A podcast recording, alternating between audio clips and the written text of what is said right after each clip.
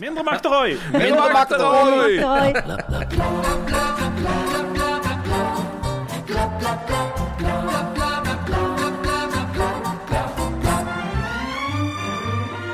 Han leser masse bøker, han er skikkelig ekte liberal, og han har skifta mening minst én gang. Til og med folk på venstresida syns denne mannen er ganske OK. Men, men skulle ikke vi snakke om Fremskrittspartiet i dag? Hva slags merkelige representant for Frp er egentlig denne Roy Steffensen?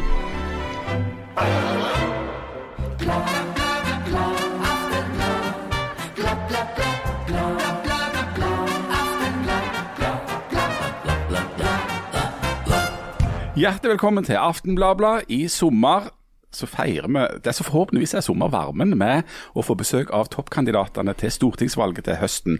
Hjertelig velkommen, Roy Steffensen. Jo, takk. Kjekt å få være her. Og Det gjenstår jo å se, da. Ja. Ikke begynt. Enn enn så lenge er det kjekt å få være. Jeg må bare rette meg, altså når du sier jeg har lest mye bøker, så, så vil jeg bare påpeke at det har stått Morgan Kane på de fleste, bare sånn at det er klargjort. Jo, men Morgan Kane er òg ei bok. sant? Ja, Altså, Janne er jo professor i litteratur. Morgan Kane går eh, Det, det er godkjent som bok, er det ikke? Ja, det var jo faktisk ei som skrev doktorgradsavhandling om Morgan Kane nettopp på Universitetet i Agder. Så Som det glir rett inn. Ja. Som jo alle Føler litt flau å ta opp sånne ting som alle vet fra før av, men Men eh, Morgan Kane, det, du mener det er godkjent? Uh, ja, jeg tror det er godkjent. Det er jo serielitteratur, så dette, jeg vil jo ikke liksom komme trekkende med det for å imponere folk i P2. Men, uh, men uh, ellers så tror jeg det er greit. Er det folk Mm. i P2 du først og fremst går for å imponere? Det er der velgersegmentet mitt er, absolutt. Jeg har lest alle bøkene, uh, Morgan Kane-bøkene. Ja, jeg, Det, jeg òg tror jeg, faktisk. jeg har ikke lest noen av dem, merker jeg. Men uh... Eller vi hadde sånn lese, Morgan Kane lesesirkel når jeg var i, uh, tilbrakt en del tid i det norske forsvaret. Sammen med andre menn, da. Det var nesten ingen damer den gangen. Bare tilbake i urtiden. Så vi hadde jo etablert da en lesesirkel eh, som bare besto av Morgan Kane-bøker.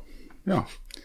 Er det, er, er dere lesesirkel i, i Frp på det, Morgan Kane, eller noe? Jeg, jeg, jeg tror ikke vi har lesesirkel i det hele tatt. Nei, ok. Det, det, er ikke, det, er ikke så, det er ikke noe vi skryter av, i hvert fall, at vi leser bøker. I så fall må det være noe med mye bilder og, og mye tekst. Ja, litt Men stor. Eller stor, store skrift. Ja. Ja. For oss, for vår, for del, vår del så sklei det litt ut, fordi at vi, vi leste oss gjennom eh, eh, Halbing sine, sine Kane-romaner, da, verket hans, hans eh, magnum opus. Eh, og så gikk vi, sklei vi da dessverre inn i, i en eh, avlegger av dette som kaltes for sexy western. Ja. Clay Allison. Clay Allison, ja. Clay Allisons sexy western. ja. Og det var Og det tror jeg ikke det er skrevet noen doktorgrad på, for å si det sånn. Janne? nei, jeg har ikke. Dette tok en helt annen vending. enn- Ja, jeg hadde, heller, jeg hadde faktisk aldri drømt om Å, at den er så stor, og da mente du ikke revolveren. Nei, ja, ja. Ok, kanskje vi heller skal gå over på Frp og deg. Du, Frp. Det tror jeg må være Norges mest forvirrende parti. Nei, det er Venstre. Nei, for de er bare forvirra sånn med seg sjøl. Men Frp eh, altså Vanligvis så vil jo politiske partier de vil være veldig opptatt f.eks. av at de eh, liksom en slags et program og sånt, og så ønsker de da å komme og, i maktposisjon. Eh, det virker det ikke som Frp holder på med nå. Eh, det vil si, De hadde makt, men det ville de ikke ha lenger, så da hoppet de av etter de hadde hatt makta en stund. De er på en måte veldig sånn på et nivå liberalistisk og vil ha mindre stat og mindre pengebruk og, og alt det greiene der, men så er det knapt noen som er større venn av å bruke en masse penger eh, fra statlig hold enn Frp.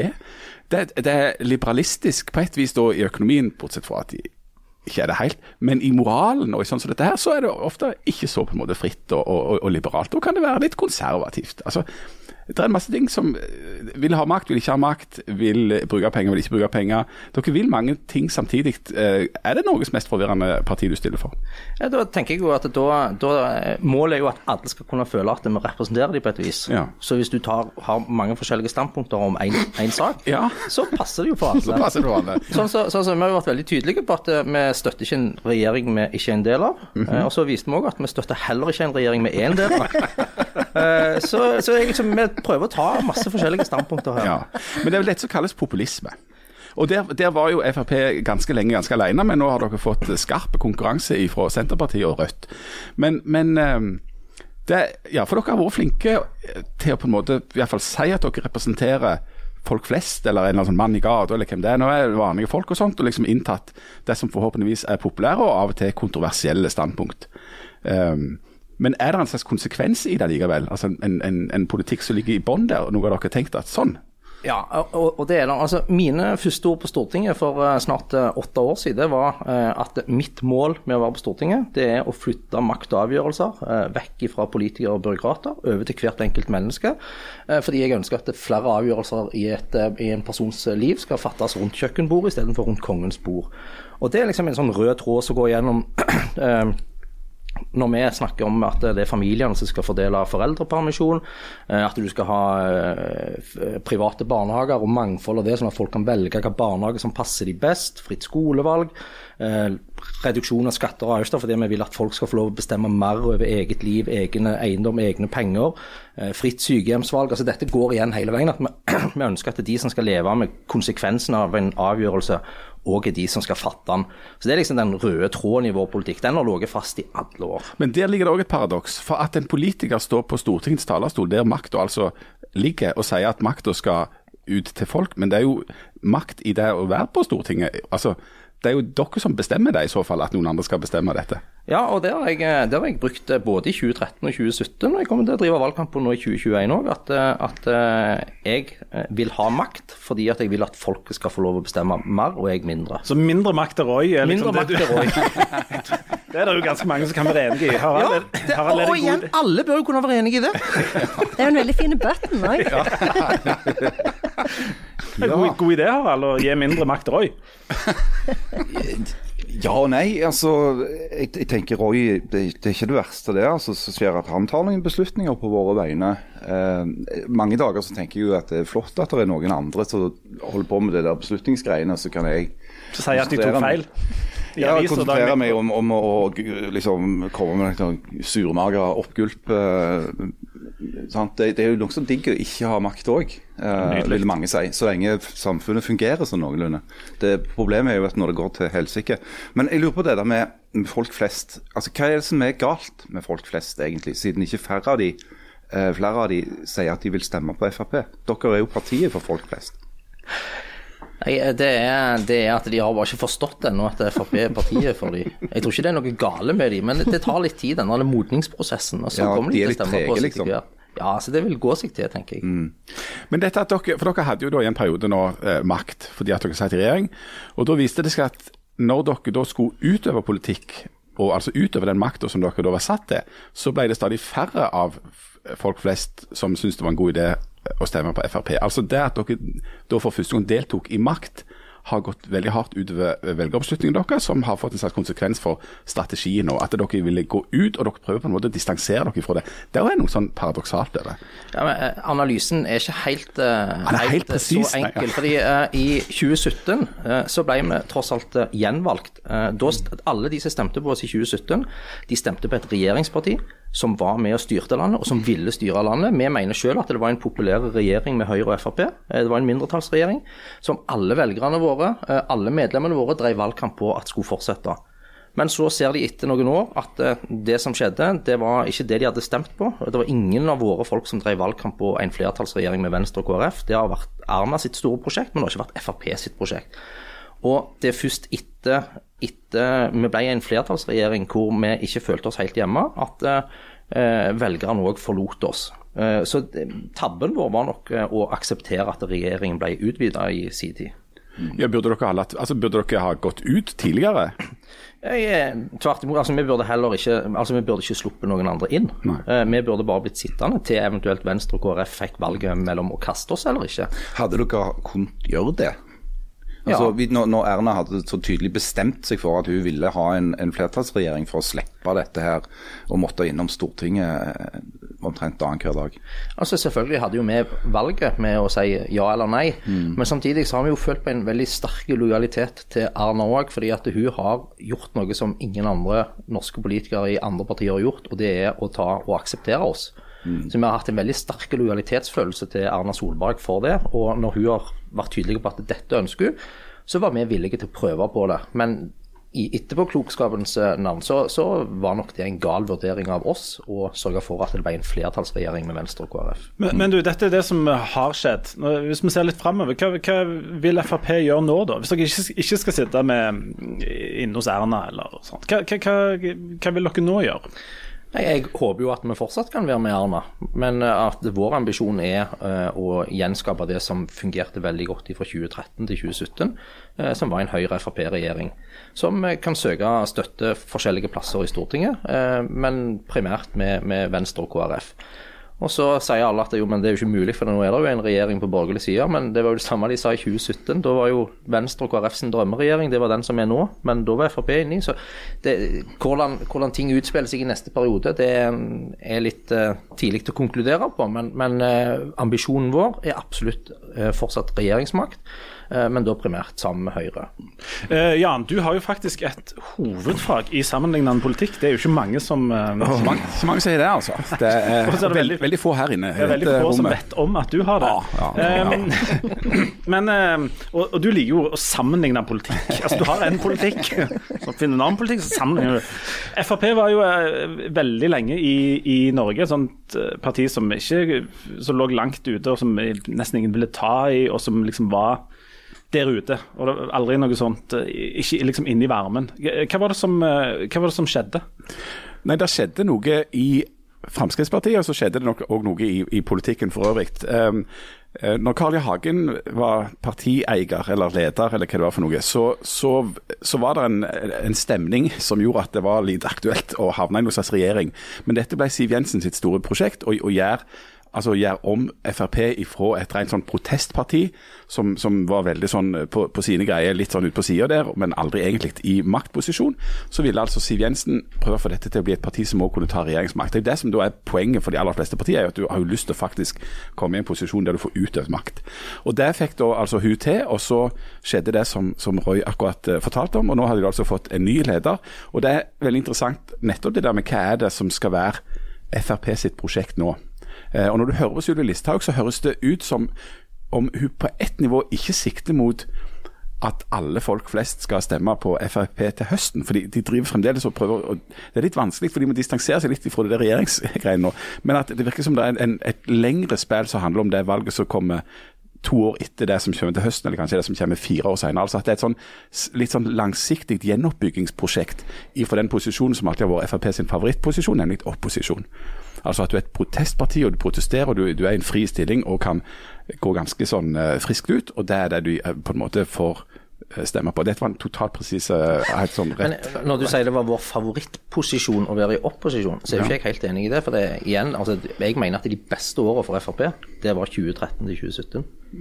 Selv om vi har vært høyere på målinger og hatt bedre valgresultat eh, tidligere, enn det, så er det de beste årene. For da var vi faktisk med å påvirke norsk politikk og har gjort masse endringer som vi har jobba for og ropt om i 40 år, aldri blitt lytta til.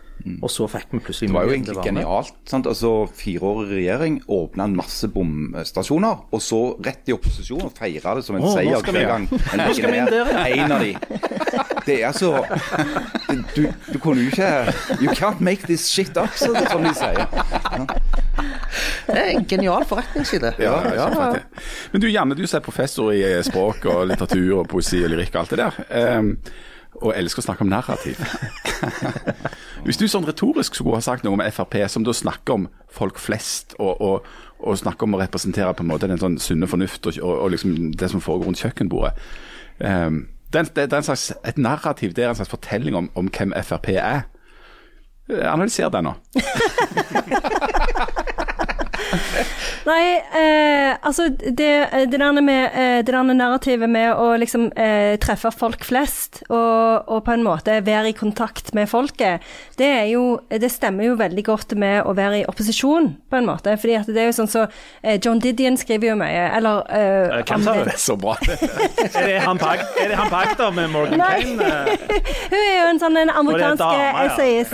Eh, og hun skriver jo mye om eh, veldig, altså Hun eh, em, reiste jo rundt eh, i den amerikanske valgkampen i 1989, og da skrev hun veldig mye om farene ved å, å, å være for distansert for folk. At, folk. at politikk bare er noe som skjer i ei boble, eh, og hvor en eh, bare snakker et språk som de andre politikerne forstår. Eh, og det advarte jo hun mot. og så kommer ut til 2016, og så får en eh, Trump og Drain og, the swamp. ja, nemlig. Og, og, og det er jo det demokratene sliter med ennå, at det, folk ikke føler tilhørighet til dem, fordi at de har dette her eh, politikerspråket. Og så har du jo Frp, som, som, er veldig, eh, som er veldig gode på sånne slogans, eller liksom kaller spade for ei spade, og som har eh, dette her med narrativet med at det er vi som er i kontakt med folket, det er vi som sier sannheten, det er vi som, som på en måte Eh, ja, ja, forteller folk det som de andre partiene prøver å skjule. Eh, og det passer jo veldig godt inn med det å være i opposisjon. Eh, fordi at det passer jo ikke så godt inn med det å være i posisjon, for da må du jo på en måte Da blir du jo ofte tvunget til å bruke dette andre typen språket. Så det er jo en sånn en eh, ambivalens der. Men jeg prøver liksom å tenke på hva slags eh, eh, bok jeg kan sammenligne det med, men det må jeg komme tilbake til. ja. men, men det er interessant, for nå når det er blitt konkurranse på populistisk side, så er jo altså, eh, så er det altså Frp er for, for folk flest.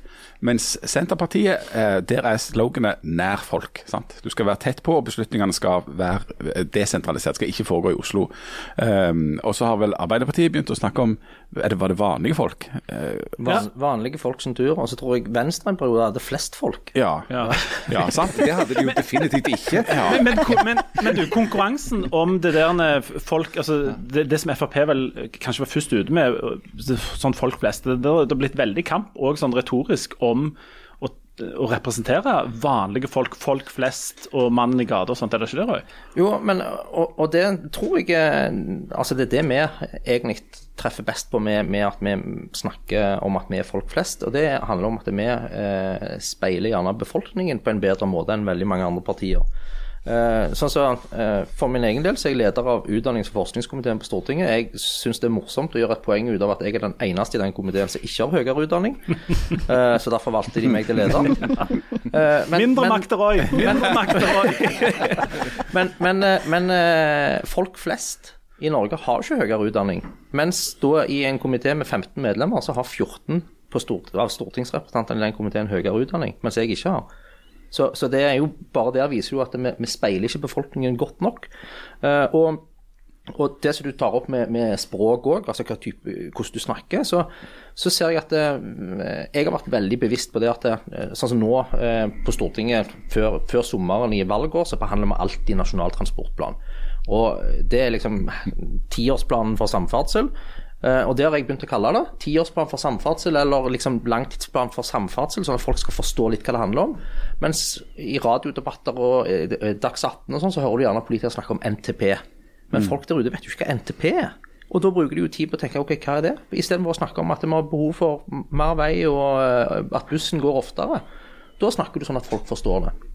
Og det er veldig fort at den der Oslo-bobla at hvis du, hvis du er eh, blir valgt inn i Oslo, og du er stort sett bare i Oslo, og de du omgås med, er de som er i organisasjonslivet, som prøver å lobbyere mot deg, og i uh, journalister i riksmedia, så, så ja. Mofasa. Ikke sånne koselige sånn som dere, men de der, de der riksmediafolka. Ja, østlendinger. Nei, Østlendinger spesielt. Nei, men da, da blir det veldig fort at du, du snakker på en egen måte, uh, som gjør at du distanserer deg fra vanlige folk. Folk flest. Folk flest. Det er jo de da som sier at folk flest er litt lette å lure. Eh, og Det har jo vært en kritikk som har blitt ført fram mot Fremskrittspartiet ganske lenge i Norge. Helt siden en eh, jeg tror han er vel en slags journalist fra Østlandet. etter Magnus Marsdal skrev den der boka 'Frp-koden' back in the day. Og der Hans hovedpoeng var at eh, dere lurer på en måte folk flest til å stemme på et parti som vil føre en politikk som rett og slett ikke tjener deres interesser, fordi at skattepolitikken vil tjene de som tjener, har mest fra før. Eh, og at uh, endring av reglene i arbeidslivet vil gå ut over de svakeste gruppene. Vi gir mer makt til de som ønsker å utnytte arbeidere osv. Altså den der Kritikken har hun nå fornya i en ny bok Marsdal, som handler om Listhaugs metode når hun skal ta over som partileder. og Har kalt henne for en slags politisk pyroman som springer rundt og så tenner sånne små branner overalt. Og så lik og del, lik og del, og så chap, chap, chap. Og så hvor blir det av i den der helheten i politikken? Ja, nå har ikke jeg lest den siste boka, men jeg har lest den første, eh, den Frp-koden. Jeg er jo eh, uenig i, det du sier, at, det er, liksom, at vi er ikke et parti for, for vanlige folk, og at det vanlige skattebetalere vil ikke tjene på det.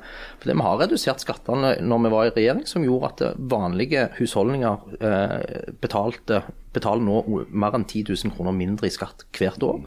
I tillegg, når vi får fjerna bompenger, når vi fikk fjerna rushtidsavgiften på Nord-Jæren, så er det 8000 kroner i året for en gjennomsnittlig bilist her på Nord-Jæren i reduksjon det er klart det kommer vanlige folk til gode. Så vår politikk kommer vanlige folk til gode.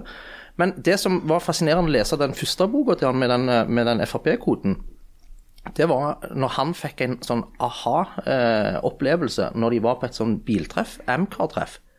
For han, han, mente jo da at dette var jo typisk velgere som burde vært på venstresida, burde vært i Arbeiderpartiet. Men samtlige der, liksom, når du gikk da med han Frp-eren som han fulgte, så så jeg liksom at han sklei inn og var liksom en del av denne gjengen her. Og da følte folk at ok, men dette er en av oss, han kan vi stemme på, han kjenner vi oss igjen i. Han er, han er en som representerer meg. Mm. Og, og, det er det samme med min oppvekst òg. Kommer ut, i, eh, ut fra Kvitsøy, uh, har jobba på fiskeoppdrett. Jeg går rett ifra fiskeoppdrett og inn på Stortinget. Med en sånn type eh, helt vanlig arbeiderbakgrunn, så burde jeg gjerne typisk vært enten Senterpartiet eller Arbeiderpartiet. Men jeg har alltid ment at Frp er det partiet som best representerer meg. Hva var, hva var, det som gjorde at du kom inn i politikken? Var det en sak, eller var det ideologi, eller var det tilfeldigheter? Hvordan, du, havnet du i politikken? Det var, det var tilfeldigheter. Altså, jeg jeg gikk på St. Olav videregående og havna mellom en som var i FBU og en som var i SU. Og de satt og diskuterte hvert friminutt, og jeg syntes det var interessant. Eh, og så leste jeg partiprogrammet til, eh, til, SV, Ap, eh, Høyre og Frp. Og så var det liksom frihetstankegangen i Frp som, som gjorde at jeg meldte meg inn der. Mm. Men, men, du har hatt det, det, er veldig interessant det der med det MK-treffet. altså Marsdal trekker jo det fram. Men altså, det er det som har blitt noe av problemet for f.eks. Arbeiderpartiet og venstresida i det hele tatt. At, at, mange av de du skulle trodd ut ifra den venstresida sin egen teori skulle sokne til venstresida, altså ende opp med å gå til Frp, eller nå for tida da altså Senterpartiet. Um, så det, så det, må være noe i, i, eh, i, kommunikasjonen eller narrativet eller perspektivet, da. Altså, så, det var akkurat det som Janne snakket om. Ja, det er så, det er Joan Didion ja. som, som, sier at de, de, snakker et slags mystisk språk som folk ikke forstår. Ja. Disse her, eh, På Universitetet i Agder? Ja.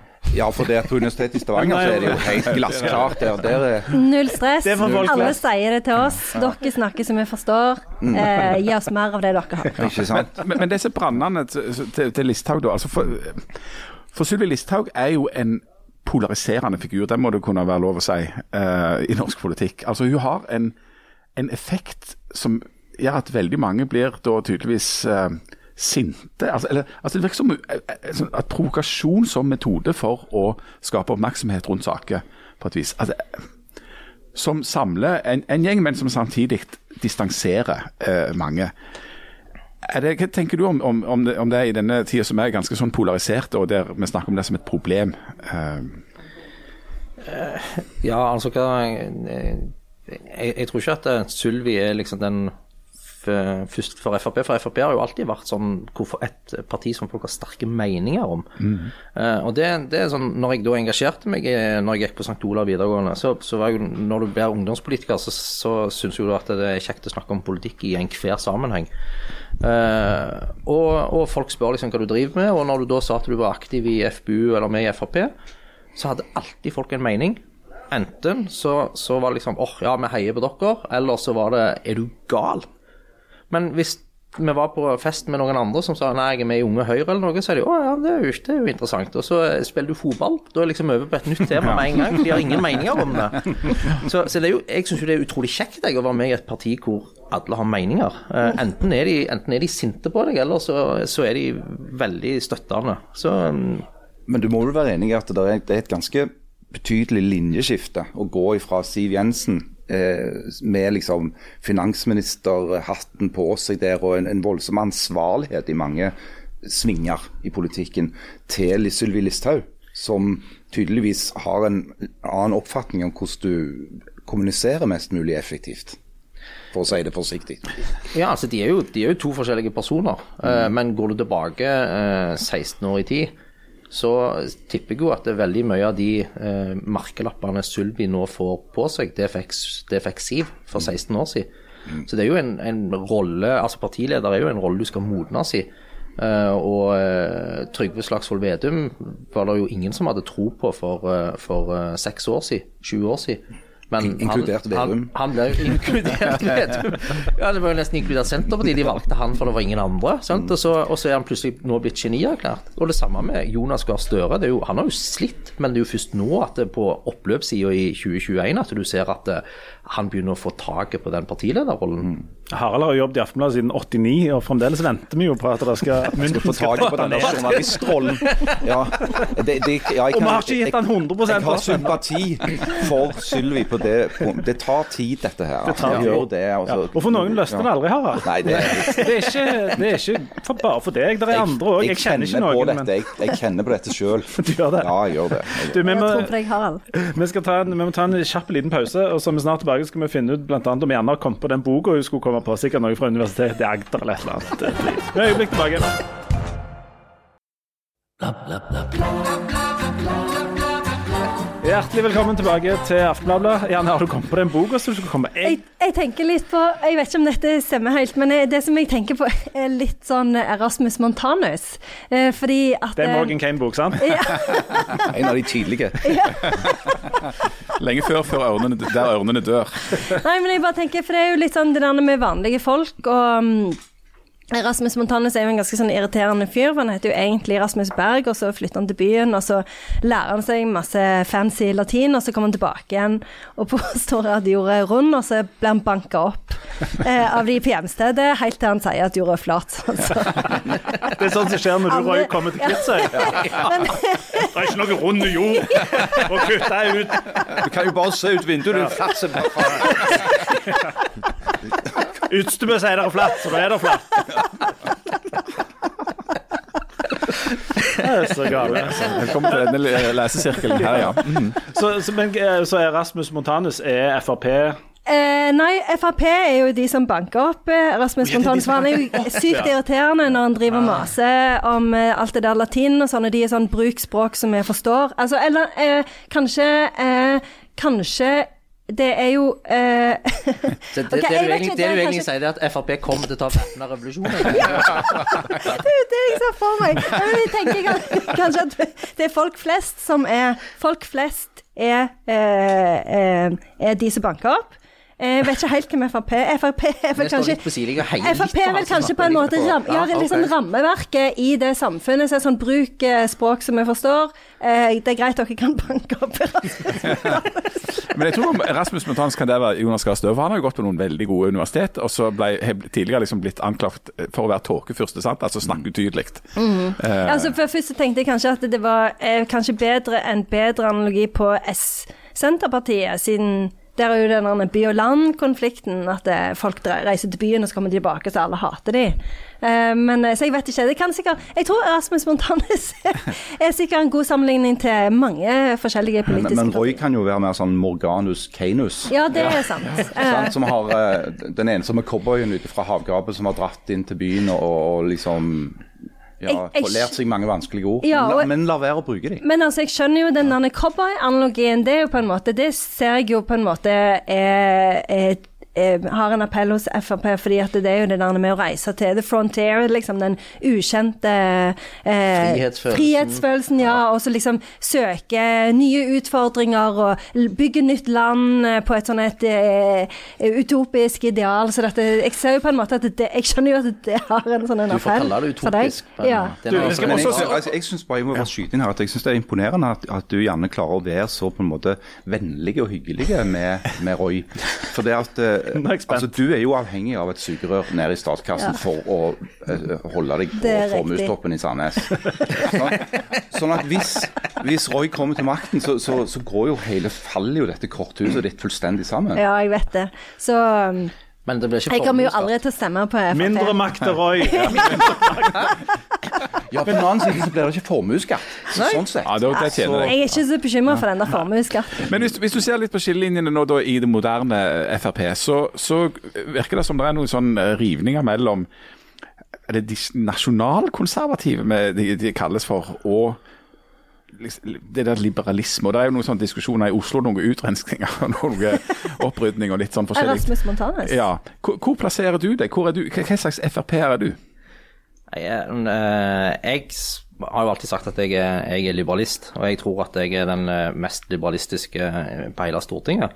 Men eh, samtidig så pleier jeg òg å si at eh, det mest korrekte er nok å kalle meg liberalist. Eh, at jeg er opptatt av de liberalistiske prinsippene og henter inspirasjon fra ideene der.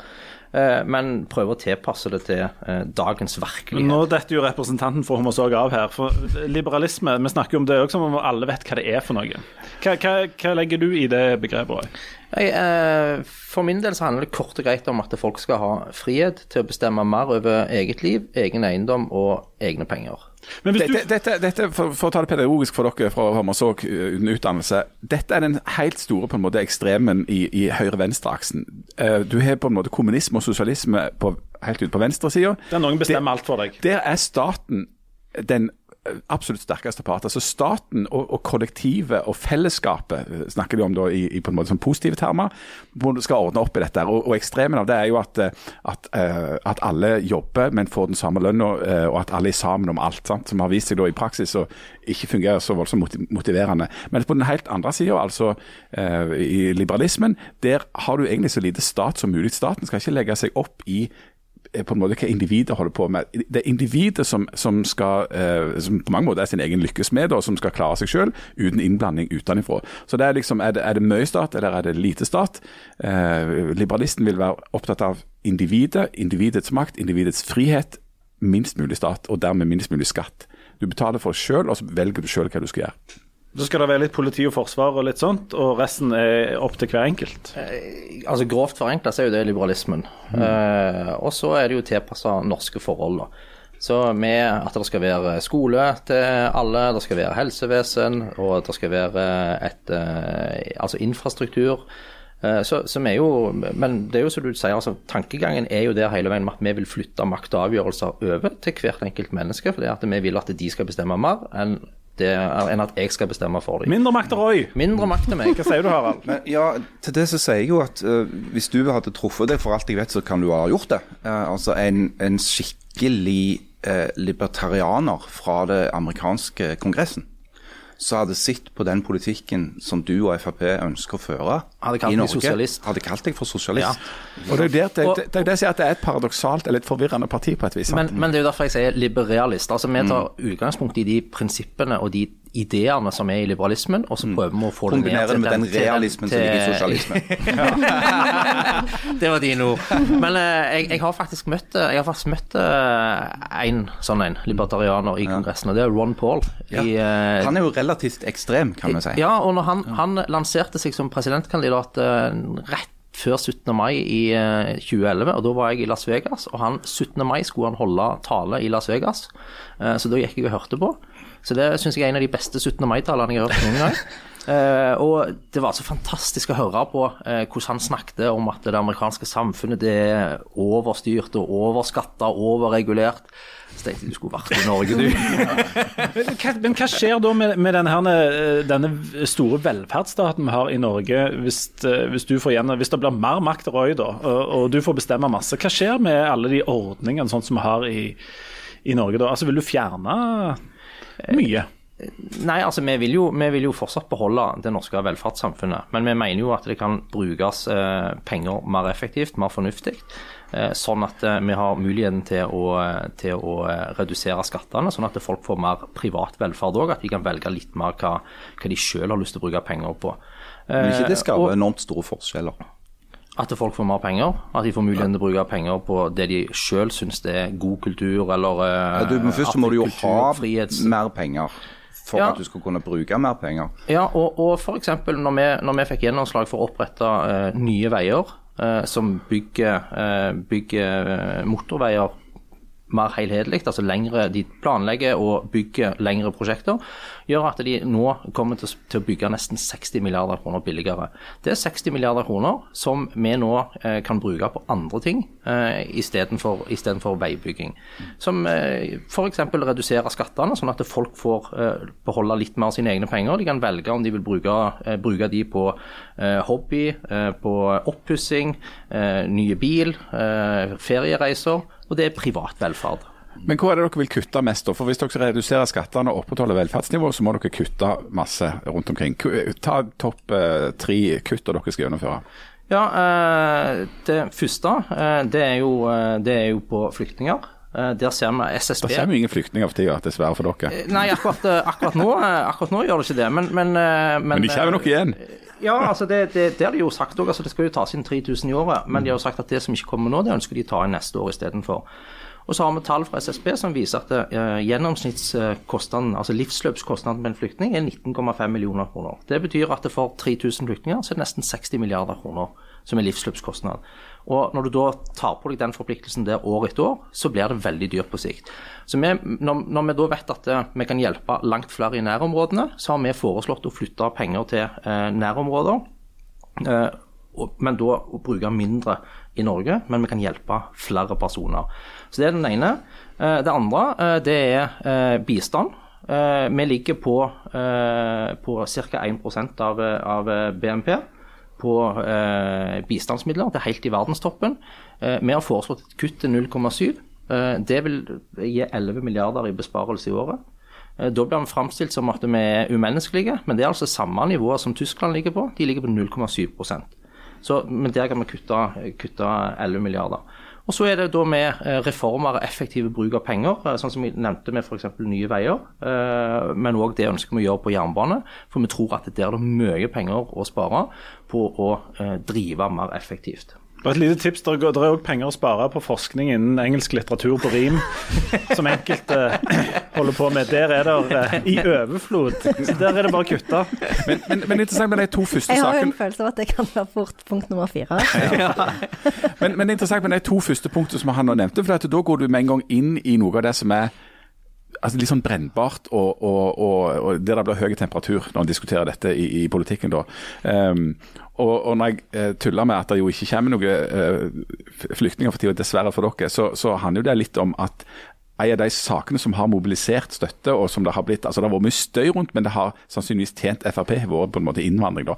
Men, men dette er sånne brennbare, kompliserte spørsmål, og der, der de som da er uenige med Frp sin, sin eh, flyktning- og integreringspolitikk, vil si at de er liksom, ja, altså, kaldere eller, eller liksom mindre eh, solidariske eller rause, eller sånn som dette, mens vi som, vi som uh, står for det som er dagens politikk, vi er da varmhjertet og alt dette her. Og så viser det seg jo at, at alle politiske partier på Stortinget, bortsett fra Rødt og SV omtrent, er jo enige om den norske flyktningpolitikken. Har har ikke nærmest dilta litt etter Frp på det området, da? Ja, Harald? og Venstre, ja. Ikke dilta etter Frp på det området som er Absolutt. Og det, og det er jo et, et problem som, som Roy og de andre i Frp har akkurat nå. det er at det, For det innvandringspolitikkområdet så har de andre partiene på en måte stålet klærne til Frp mens de var ute og bada i den folkelige elven.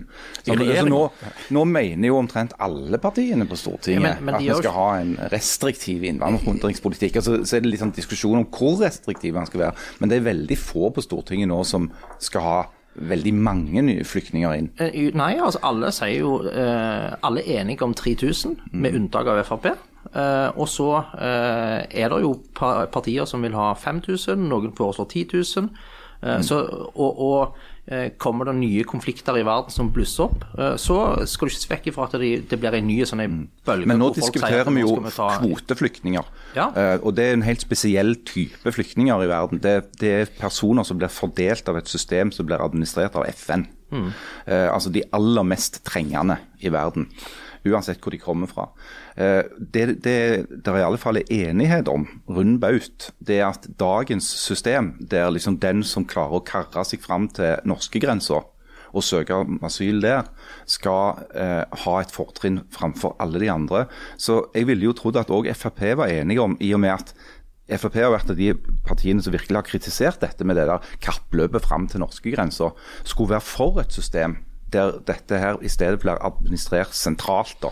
Men, fra men FN. vi er for, vi er for flyktningsystemet, og vi mener at vi- Kvotesystemet. Ja, for det, det er jo de som, som da er, som du sier, har blitt plukket ut, at det er disse som trenger hjelp. Disse må vi, må vi finne en måte å hjelpe på. Eh, men, men vi er veldig tydelige på at vi kan ikke ta imot flere enn det vi har sjanse til å integrere.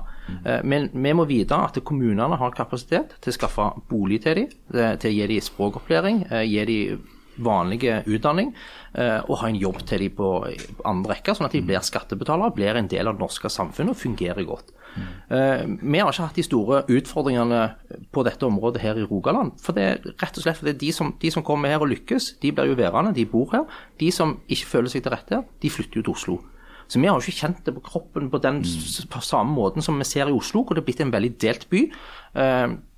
Det er bare med å gå, altså hva side av Karl Johan du går på nærmest, så ser du at her er det veldig, veldig eh, delt by med, med vestkanten. Der eh, bor, eh, der bor nordmenn som har vært der, altså opprinnelige nordmenn. Og så har du da på, på østkanten så er det innvandrere eller folk som, som har innvandrerforeldre, men er født og oppvokst der, men de bor liksom i én del av byen. Men vi begynner jo å få litt sånn eh, tendenser her òg, etter Finnfast og Ryfast og dette Ja, greiene. Det reker mye. Ja, og nå har de ikke bompenger heller, så nå, nå kommer de jo kjørende, Ja. akkurat ingenting. Og det, jeg, eh, jeg ser den Og de utviklingen at eh, importerer, tar med seg ting fra sin kultur. ja, Jeg risikerer å få folk på Finnøy rett i nabolaget. Og, og Ja, men og sånn er det jo for Stavanger-folk, når det Ja. kommer folk fra Hummersåk Ja, Røykan inn ja. i redaksjonen. ja, Eller Kvitsøy eh, for, den, Kvitsøy for den saks skyld. Ja, jeg har en nabo som fikk, en, fikk noe fra talje i plenen, og da blir ikke kvitt det. Først har fått det der taljegreiene rest i Så er det der. Ja.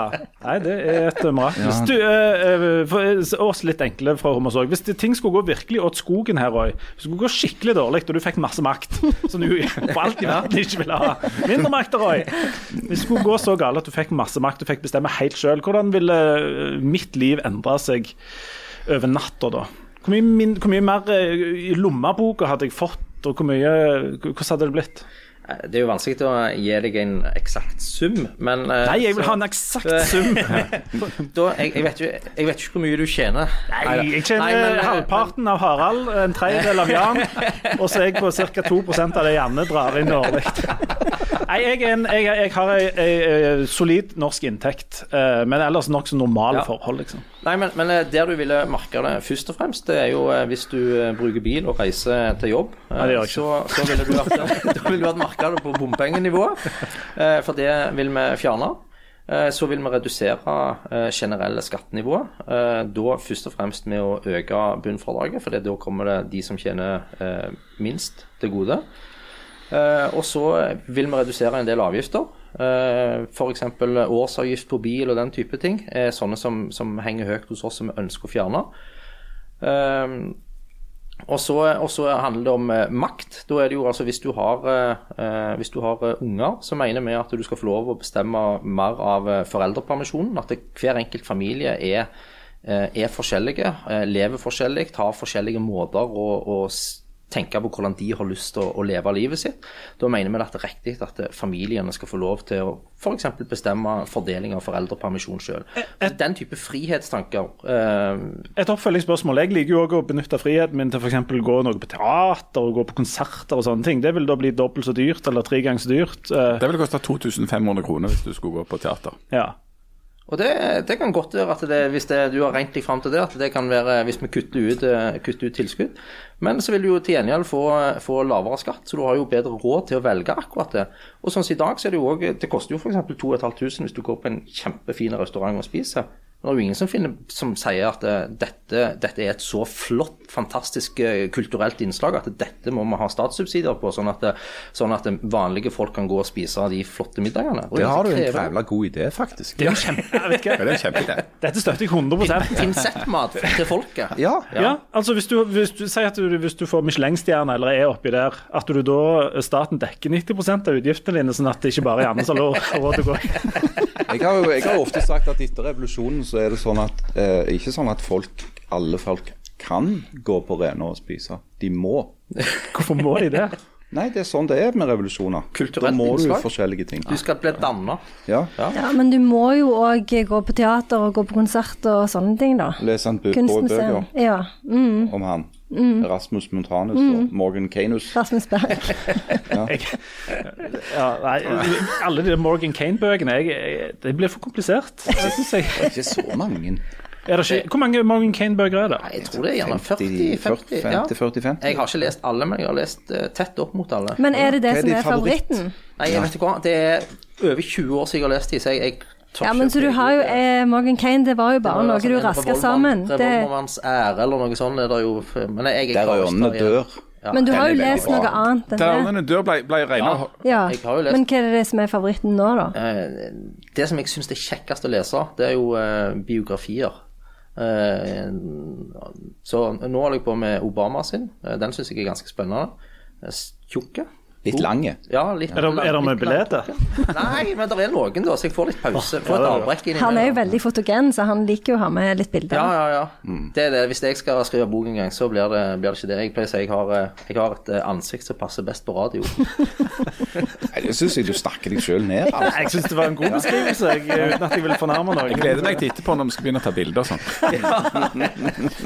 Det, det tror jeg blir et slags høydepunkt. Ja, du, eh, hva, hva, nå kommer det, jo, kommer det jo valg, da. Hva, hva slags folk er det du sikter deg inn på? Du, nevnte jo P2-lytterne som kjerne, kjernegruppe her. Men eh, folk flest, du skal jo ha tak i de i likhet med absolutt alle andre partier. Um, hvem, er det, eh, hvem er det du vil liksom eh, tenke at dere burde stemt Frp? Bortsett fra alle, da. Det er ikke lov å svare alle. Det er. Eh, nesten alle. Flest. Flest folk. Flest folk. Flest folk. Flest folk Er det, er det, er det eh, menn på 50 med dieselbil, eller er det damer på 20 med studielån? De har ikke så mye studielån, da. Men er det noen sånne grupper som du tenker at det, det er mine folk? Ja, altså i utgangspunktet er det jo det. I- Ideelt sett så håper vi jo at vår politikk skal, skal favne bredest mulig, og at alle skal synes at vi har noe som passer for de. Men, men eh, vi har jo analyser, så vi, vi ser jo helt klart at eh, menn i min alder, altså fra 40 oppover, er jo de som vi scorer best hos. Eh, og nå når det nærmer seg en valgkamp, så, så, eh, så er det jo gjerne de jeg vil prøve å sikte meg inn på hvis jeg står på stand og ser det kommer noen, så, så eh, tenker jeg at jeg kanskje jeg har størst sjanse for å få den til å stemme på meg. Eh, For det er et så kort tid til valget, så handler det egentlig for oss om å bare få flest mulig av de som stemte på sist, til å gjøre det igjen, eh, når vi tross alt ligger litt eh, lavt på målingene. Så, så håper jeg jo at vi i tida framover skal begynne å bredde oss mer ut, og at det er mer eh, grupper, både alderssegment og, og eh, kjønn, eh, arbeidsgrupper, ser at Frp er et alternativ for dem. Men om vi klarer å snu det på litt over en måned, det, det tror jeg ikke. Så nå gjelder det å hanke inn flest mulig av de som stemte på oss i 2017. Hvorfor gjør Frp det såpass dårlig blant kvinner og blant folk med høyere utdanning? Nei, nå er jo jeg en mann med lav utdanning, så Ja. Ikke er du Men, men, kvinne men, heller. men hvis, dere skal, hvis dere skal få tak i flest, eh, folk, altså flest folk, så må dere appellere f.eks. til halvparten av befolkninga som er damer. da, og så Selv om ikke flertallet har høyere utdanning, så er Norge et utdanningssamfunn der det er veldig mange med høy utdanning. Nei, Men de, de, de stemmer i fint liten grad på Frp. Ja, og det er Jeg tror jo at den eh, frihetstankegangen som, som eh, jeg snakker om, den tror jeg jo har brei appell hos eh, alle. Eh, så, så for eh, Jeg tror jo bare at hvis jeg hadde vært flinkere til å fått eh, det budskapet ut i media, eh, til at folk vet hva Frp står for, eh, vet hva som er liksom den røde tråden i vår politikk, så tror jeg vi hadde appellert til, til flere folk. Ta eh, småbarnsfamilier, så mener jeg jo at eh, vår politikk, som, som er med de tydeligste forsvarerne av eh, private barnehager, og sørge for at det er et mangfold av eh, barnehager, at foreldre skal få velge det tilbudet som passer de best, det er jo en politikk som jeg mener alle småbarnsforeldre burde vært enig i. Så, så vi, har jo, vi har jo politikk som burde appellere til mer enn menn på 45 år. Men hvorfor, hvorfor er Frp så upopulær på universitetet, Janne? Det er vel fordi vi er jo Erasmus Montanus, som er jo livredde for at Ja. folk flest skal banke oss opp og tvinge oss til å si at jorda er flat. Jeg kjenner meg veldig godt igjen i mitt eget bilde. Men hadde det ikke vært en fordel da, eh, hvis en skulle drive en litt sånn, en sånn langt løp her? For det at valget til, nå i høst kan jo bli litt for kort. eh, litt for kort fram dertil. Hvis en ser på liksom, snittet av meningsmålinger og hva vei det liksom blåser. Det er veldig mye som tyder på at det blir et regjeringsskifte i høst. Eh, hvis en da skal bygge opp langsikt, hadde det ikke vært en fordel å ha en partileder med en retorikk som ikke var fullt så polariserende? Eh, Jeg tenker at vi skal, skal gi Sylvi tid til å finne den eh, rollen som hun skal ha. Eh, nå er hun valgt nå rett før sommeren. Når valget er over, så har hun fungert i rett over 100 dager. Så jeg, jeg tenker at vi skal la henne få tid til å, til å Slipe av seg kantene? Eh, Nei, til, å til å forme den partilederrollen sånn som, sånn som hun har lyst til å, å gjøre. Eh, Så, så er det jo ingen tvil om Det tror jeg Sylvi har jo også sagt det, at det, altså, hun ble mest kjent i Norge i den tida hun var innvandringsminister. Eh, Det var jo òg fordi at det var den perioden hvor vi hadde flest eh, asylsøkere som kom til landet. Så det var et tema som var brennhett der og da. Og så har det festa seg etterpå at det, er det temaet hun er mest opptatt av. Men det er jo ikke det. Hun er mest opptatt av, av eh, helse- og omsorgsbiten. Hvis dere har fått med dere eh, personer som hadde behov for operasjon for å ikke, ikke bli blinde, eh, så har hun besøkt flere av de. Personer som har ALS, som risikerer å og, eller som, som vil dø, men som har lyst til å teste ut en annen type, en annen type behandling, eh, som har fått avslag. Så har hun besøkt flere av de, ikke bare én. altså Normalt så besøker gjerne politikere bare én person, og så tenker de at da har jeg besøkt de som er i den gruppa, så nå kan jeg fronte den saken. Men hun har vist at hun har et ektefølt engasjement for omsorgsbiten i politikken.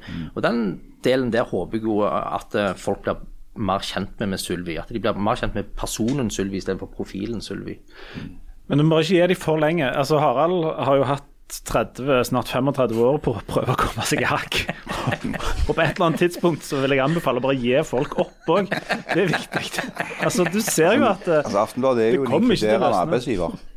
En for inkluderende arbeidsgiver vil Det er din mening. Altså, Det er det delte meninger Nei, det har jeg eh, sett papirer på, faktisk. At det er, Jeg har hørt at Lars Heller har tenkt å beholde meg en stund til, i hvert fall sånn fram mot valget. da. ja, Lars helle. Altså, ikke, skal, vi skal ikke begynne der, skal vi det? Nei, vi, vi, vi er nødt til å gi oss. Um, altså um, dette, du kommer jo til å gjøre det altså Uansett kommer du til å gjøre det kjempegodt, for dette med mindre makt og røyk det kommer til å slå an uansett. Og det er en utrolig sleip måte å gå inn i valgkampen på. Det er sant, det. For det, fins ingen stemmer på dem, så blir det mindre makt og Nemlig. Og hvis alle stemmer på dem, så blir det òg mindre makt Ja. og røy. Jeg vinner uansett, jeg. Du vinner uansett. Det er helt vilt, dette. Gratulerer med Og hvis vi valget. ikke Ja, gratulerer med det. Og nå må vi gi oss før, ja. For dette kunne gjerne snakket om sånn uh, narrativ og litteraturmessig Ja, for nå i sitter, timevis. nå sitter jeg og tenker veldig mye på Dante, så jeg har lyst til å snakke ti Og da, Og den, da den, tror jeg vi er oss. Nei, nå må Det er kjernevelgeren til Evig aktuelle Dante. Dere får faktisk ikke lov å begynne å snakke om Dante nå. Det blir et inferno. Nei, eh, mindre makt, Roy. Du får ha god valgkamp, og takk for oppmøtet, Roy. Og så er vi tilbake om ei uke med et nytt offer i eh, studio her. Det er bare å beklage. Farvel. Snakkes med Mindre makt, Roy! Mindre makt Roy! Mindre makt, Roy! Mindre makt! Roy.